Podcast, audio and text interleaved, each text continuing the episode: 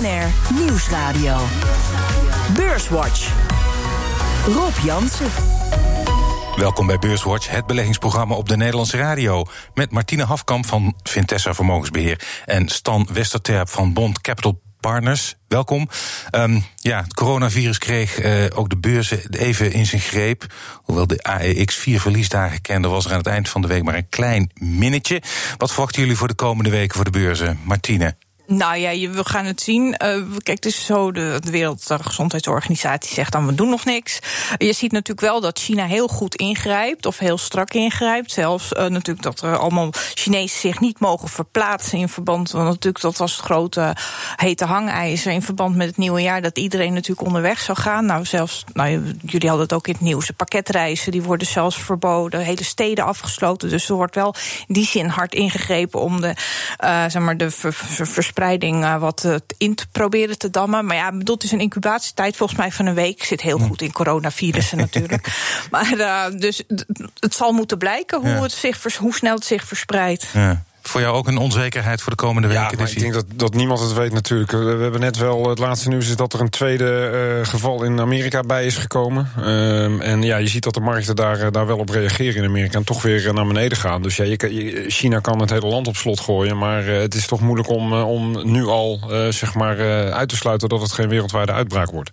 Het was de week waarin Donald Trump weer eens zijn pijlen richtte op de EU. We've had a tremendous deficit for many, many years, over 150 billion dollars with Europe.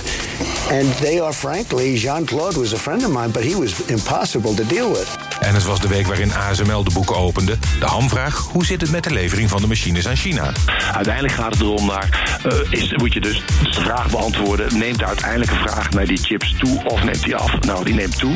En die chips die moeten dus worden gemaakt... en dat moet dan worden gemaakt met een machine die alleen maar in Nederland te verkrijgen is. Ja. Dus waar die dan worden, worden gemaakt, ja, uh, het, het, het, is in die end uh, is het dus aan de politiek. Uh, maar wij zullen gewoon die machines gaan verschepen. En beleggers schrokken zich aanvankelijk rot van het coronavirus. Beijing has cancelled all major public events for the Lunar New Year, even closing the iconic tourist spot of the Forbidden City as authorities try to contain the spread of the new coronavirus. Now, this comes as three Chinese cities have now been quarantined. Ja, de BBC-verslaggever heeft het hier over drie Chinese steden. Volgens mij zijn dat er nu al meer. Ik geloof dat ja, 40 miljoen mensen zitten in steden waar geen openbaar vervoer meer is. Um, de reden voor mij om er toch nog even op door te gaan is omdat uh, dit ook wel meteen herinneringen oproept aan de SARS-epidemie in 2003. En de beurzen reageerden daar toen uh, sterk op, Martine. Ja, maar uh, toen werd het natuurlijk eerst een beetje onder de pet gehouden door de Chinezen. Dat was wel een beetje het verschil met nu, zeg maar. En daarom zie je denk ik dat het nu. En inderdaad, je kan er nog niet zo heel veel van zeggen hoe het zich verspreid heeft. Dus ja, je zag natuurlijk eigenlijk deze week dan de usual suspects met dat soort dingen die wel in ieder geval naar beneden gingen, zoals airliners en natuurlijk ook eigenlijk wel een, een uh, aandeel als Booking Holdings. Dat ging ook wat.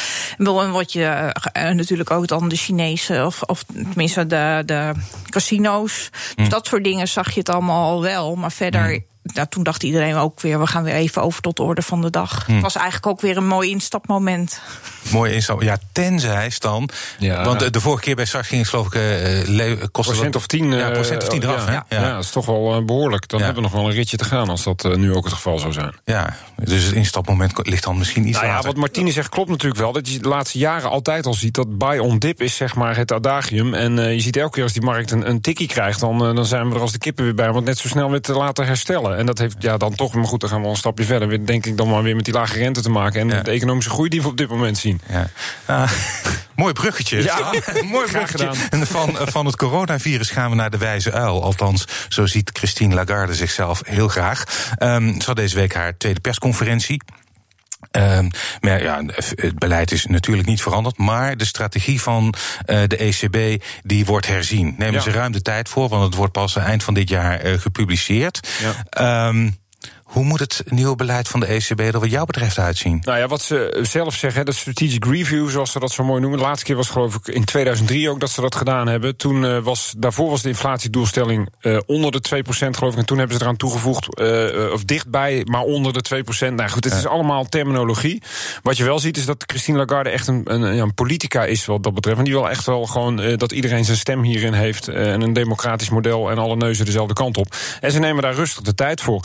En wat mij betreft zou het niet gek zijn als de ECB richting einde van het jaar zegt: oké, okay, die inflatiedoelstelling is niet zo keihard zoals die staat. Maar die is dynamisch en die kan ook uh, ja, meebewegen dat we naar een soort gemiddelde gaan. Uh, wat we een symmetrische inflatiedoelstelling noemen.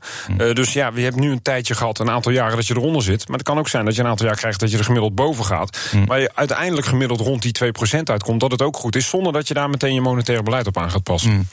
Martine? ja, ik denk ook dat ze juist willen ruimte willen creëren om als de inflatie wat hoger is, dat ze dan niet gelijk aan die renteknop hoeven te zitten. Mm. Want verder was het dan, zoals ik dan ook las, het was de saaiste persconferentie en weet ik veel hoe, hoe lang. Ja. Het was natuurlijk nul verandering voorlopig. Ja. Maar ik denk dat dat juist wel heel belangrijk is. Dat ze in ieder geval die vrijheid willen houden. Dan als het ja. dan is. Want nou ja, we hebben toen in 2018 gezien wat er gebeurde toen de Fed een rentestapje omhoog maakte. Wat net te vroeg kwam volgens de markt. Toen was ook Leiden in last. En dan heb je ook weer zo'n correctie van 10, gewoon minimaal 10% om je oren. En dat kan natuurlijk eigenlijk de economie niet hebben, zeg maar. En uh, de diverse schulden, uh, overheden en schulden. Dus. Ja. ja, je kan het niet hebben. Maar aan de andere kant, uh, deze week waren ook de topbankiers in Davos ja, ja. aanwezig. Ja. En klagen, ze klagen, klagen over die rente. moeten weg. Ja, maar dat snap ik wel. Als jij bankier bent en je, je verdient aan de rentemarge, dan is het niet fijn als het ding alleen maar naar beneden gaat en je kan dat niet door verdisconteren naar je klanten. Nee. Dus ja, dan en op een gegeven moment hebben ze daar wel een punt dat de financiële stabiliteit daar natuurlijk wel mee ja, in het gevaar komt. Ook uh, de gezondheid van de banken. Uh, ja. Maar ja, van de andere kant denk je, ja, uh, dat, dat is ook ja, bedrijfsrisico. Dat hoort ja. erbij ja. eigenlijk. Ja. En, en, en ja, kijk, voor jullie vermogensbeheerders is het misschien goed. Want het legt natuurlijk ook wel een bodem onder de koers, Martine. Ja, heel erg. En dat zie je natuurlijk ook waar we het, waar we het er straks al over hadden. Dat je ziet dat iedere, ieder dip in de markt wordt aangegrepen om gewoon iedereen die het allemaal mist. Dan denkt van ja, ik stap er toch maar in. Maar is dat dan ook niet een van die financiële risico's uh, die, nou, uh, die, die tot instabiliteit kan leiden als ja, het weer tuurlijk, als, het, te hoog, als het veel te hoge waarderingen worden, wel. Ik bedoel, maar ja, dat, uh, tot nu, ik zie meer risico's dan in andere delen. Dat er natuurlijk geld naar allerlei investeringen gaat. En dat zie je natuurlijk altijd. waarvan je denkt van nou, risico en rendement zijn niet hier niet meer evenredig in, el in elkaars verlengde ligt dat niet ja, meer. Ja. Maar, maar, je ziet het eigenlijk ook een beetje met al dat groen beleggen. Hè. De, ja. de groene golf is bezig. Daar gaat echt zoveel geld heen. En als je ziet hoe hard die koersontwikkelingen daar gaan. Mm. En ook waarderingen. Mm. Ik bedoel, dat vind ik dan wel eerder een puntje van zorg. Want ja. het is toch nog steeds eigenlijk een beetje een soort luxe belegging. Als het goed gaat op de beurs, gaat daar extra veel geld heen. Maar zeg maar, de normale, niet groene beleggende aandelen, waar wij het hier vaak over mm -hmm. hebben, zijn die stand wat jou betreft uh, te hoog gewaardeerd? Zit daar een risico in? Dan zeg je van nou, dat valt nog wel mee. Laat ik het anders formuleren. Wat je wel hebt gezien in 2019 is met name de multiples hoger zijn geworden. Uh, dus de koers omhoog zijn gegaan, maar de winsten eigenlijk niet zoveel mee zijn gestegen. Dus nee. het is met name een, uh, ja, een multiple expansion, zoals we dat in mooi Nederlands noemen. Ja. Um, dus ja, en, en daarmee kan je wel zeggen, ja, historisch gezien, zeker in Amerika, beginnen we wel echt aan, uh, aan, aan hoge niveaus te komen. Mm. En ook de, de, het verschil tussen de Amerikaanse en de Europese aandelen bijvoorbeeld is, is ook historisch hoog. De premie, zeg maar, daarom. Mm. Daar kan je ook, dat kan je ook wel beargumenteren, omdat de Amerikaanse economie gewoon, gewoon eigenlijk robuuster is en beter draait. Ja. Maar er zitten wel wat, uh, wat risico's aan, inderdaad. Uh, maar ik denk met name als de rente in, uh, in beweging zou komen, ja. dat dat het grootste risico is voor, voor, de, voor de financiële markten. Ja. Bedrijf dat zijn winst wel heeft weten te verhogen, namelijk de bruto marge van 43 naar 48 procent, is ASML. Um, zijn met cijfers gekomen. Um, ja, Martine, voldoet het aan jouw verwachting? Uh, ja, bedoel, ze blijft natuurlijk, ze zijn monopolisten. Wat ik wel heel goed van ze vind. Ze hebben gewoon een heel lange termijn beleid. Want uh, toen ze begonnen met die ontwikkeling van die EUV-machines. Nou, iedereen uh, verklaarde ze bijna voor gek. Zeg maar, analisten vonden het ook allemaal niks. En nu vallen analisten allemaal over elkaar heen. Met nog meer koopadviezen, nog hogere koersdoelen. En ze hebben ook natuurlijk wel vertrouwen in de sector altijd gekregen. Hm. Door, ja, dat, dat Intel nam een belang bijvoorbeeld in ze, TSMC. Nou, en je ziet nu nu dat ze gelijk krijgen. En kijk, dan kom je weer met dat China-verhaal. Of ze dan die ene machine daar wel of niet heen mogen leveren. Ze, ze zeggen zelf ook, nou, al heb je al die onderdelen. Bedoel, de know-how zit in de hoofden van de mensen hier. Dus dan kan je er nog niks mee. En uh, kijk, dan is het. Kijk, het is altijd schuiven met machines. Dat is het altijd geweest. Dus of dat omzet in het eerste kwartaal valt, of in het vierde kwartaal, of in het derde kwartaal van volgend jaar, dat maakt allemaal niet uit. We zijn nu echt ook aan het investeren om die productielijnen sneller te krijgen. Want er zit nog best een hoge doorlooptijd in voor je echt zo'n machine kan leveren. Maar ik denk dat ze ontzettend goed bezig zijn en zijn ook weer investeren in de volgende, zeg maar EUV 2.0 zijn ze alweer volop aan in het investeren. Ja, dus het is gewoon de kracht van de monopolist. Ja. Jij ook volledig tevreden? Ja, uh, dat is natuurlijk ja, een van de mooiste beursgenoteerde bedrijven van Nederland. Um, alleen als je naar de waardering kijkt, ja, dan zullen ze wel moeten gaan leveren naar de toekomst ook. Want daar mm. is het er ook wel. Ik bedoel, ASML is verdubbeld volgens mij vorig jaar, als ik me niet vergis. Ja. Uh, maar dat heb je wel in meer. We hebben het is ook wel een week van de, van de halfgeleiders, van de semiconductors geweest. Ja. Intel 8% hoger, was ja. goede cijfers. Uh, STM, ja. Texas Instruments. Het, het, het ASMI zit ook al tijden in de lift. doet het ook ontzettend. Ja, die kwamen ook inderdaad met een, met een, een, een even een upgrade dat ze veel meer orders hadden binnengekregen dan dat ze hadden verwacht. Ja, het, het, was, het, het, het zit in de lift weer. En het is een tijdje natuurlijk bar en boos geweest. Mm. Met alle voorraadafbouw. Maar ook analisten, bijvoorbeeld die Apple, de koersdoelen ook weer verhogen. Omdat ze gewoon zeggen, joh, we hebben nog geen idee wat dat 5G allemaal weer teweeg gaat brengen. En hoeveel chips daar dan weer allemaal voor nodig zijn die in die smartphones moeten gaan. Dus ja, um, de verwachtingen zijn hoog gespannen in ieder geval. Maar de waarderingen die zijn daar inmiddels ook naar. Ja, ja. En China wordt dan een groot uh, risico? Hij zegt zelf uh, tot moment ik van ja. zelf helemaal nee. niet zo. En ik maar, denk het ook niet. Ik bedoel, uh, het is alleen heel vervelend als je in politiek getouwtrek terechtkomt. Dus meer voor, de, voor, zeg maar, voor het hmm. verhaal eromheen is niet zo handig. Maar als je hem niet naar China levert, ze kunnen hem overal aanleveren. Ik bedoel, het is meer vraag. Ja, dat is ook de theorie van ja. Wenning. Ja, ja. Die, die chips moeten gemaakt worden, dus dan wordt ja, Korea zo'n ding. Ja, het precies. Gaat, het gaat ook iets verder, want je, hier speelt ook Taiwan TSMC, zegt Martien, het is een belangrijke klant van ASML. Maar ja. Taiwan en China hebben natuurlijk ook wat. Ja, China wil eigenlijk Taiwan technologisch gezien gewoon van de kaart afvegen. Dat ze ja. dat uh, onshore zeg maar kunnen gaan doen. En daar, ja, dat speelt ook weer een heel politiek spel bij. Ja. Maar uiteindelijk, ja, als jij uh, uh, kleine chips wil maken die goed en snel kunnen rekenen, heb je machines van ASML nodig. Ja, dus moet je kopen. Ja. U luistert naar Beurswatch met Martine Hafkamp van Vintessa Vermogensbeheer en Stan Westerterp van Bond Capital Partners. We maken nog even de balans op van afgelopen week. De AEX die sloot vandaag op 614,2 punten, slechts 0,2 procent lager dan vorige week. Op 1 Adyen met een plus van 7,4 procent. Op 2 Galapagos met een plus van 3,1 procent. En uitgever Relax kreeg er deze week 3,1 procent ook bij. En het midcap aandeel dat het best presteerde deze week. We hadden het er al over. ASMI met een plus van 5,2 procent. Dalers. Op 1 Prozus met een min van 4,9 procent. Op 2 ABN AMRO min 3,9 procent. En ING verloor deze week 3,8 procent. En in de midcap was de grootste daler OCI met een min van 10,4 procent. En de AX is deze week vier van de vijf handelsdagen lager gesloten. En ja, met uh, vier mindagen een minnetje van, uh, van 0,2 procent gaat het niet slecht. Um, dat is het afrondingsverschil, hè? Ja. Nou ja, goed. Het zegt alles over de laatste dag ook. Laatste hoe, dag goed het herstel ja, was. Nog, uh, ja, daar, daar, zijn een hoop zorgen, hebben ze van zich afgeschud. Um, en dat geldt zeker ook voor de beleggers in Tesla. Dat is deze week door de 100 miljard dollar beurswaarde geschoten. Ze maken minder winst en minder auto's dan welke concurrent ook. En toch is het aandeel ontzettend populair. Ja, ja, Martine zei het net al, groen beleggen, hè? dat is gewoon de trend. Dus je ziet het inderdaad, een bedrijf dat uh, waarderingstechnisch ver op zichzelf vooruit loopt. Inderdaad, ik geloof dat Tesla 30 keer minder auto's produceert dan, dan Volkswagen. Ja. Maar wel inmiddels uh, de nummer twee is qua marktwaarde in de wereld. Uh, Toyota staat op één, iets meer dan 200 miljard waard, dus daar hebben ze nog wel wat te gaan. Ja.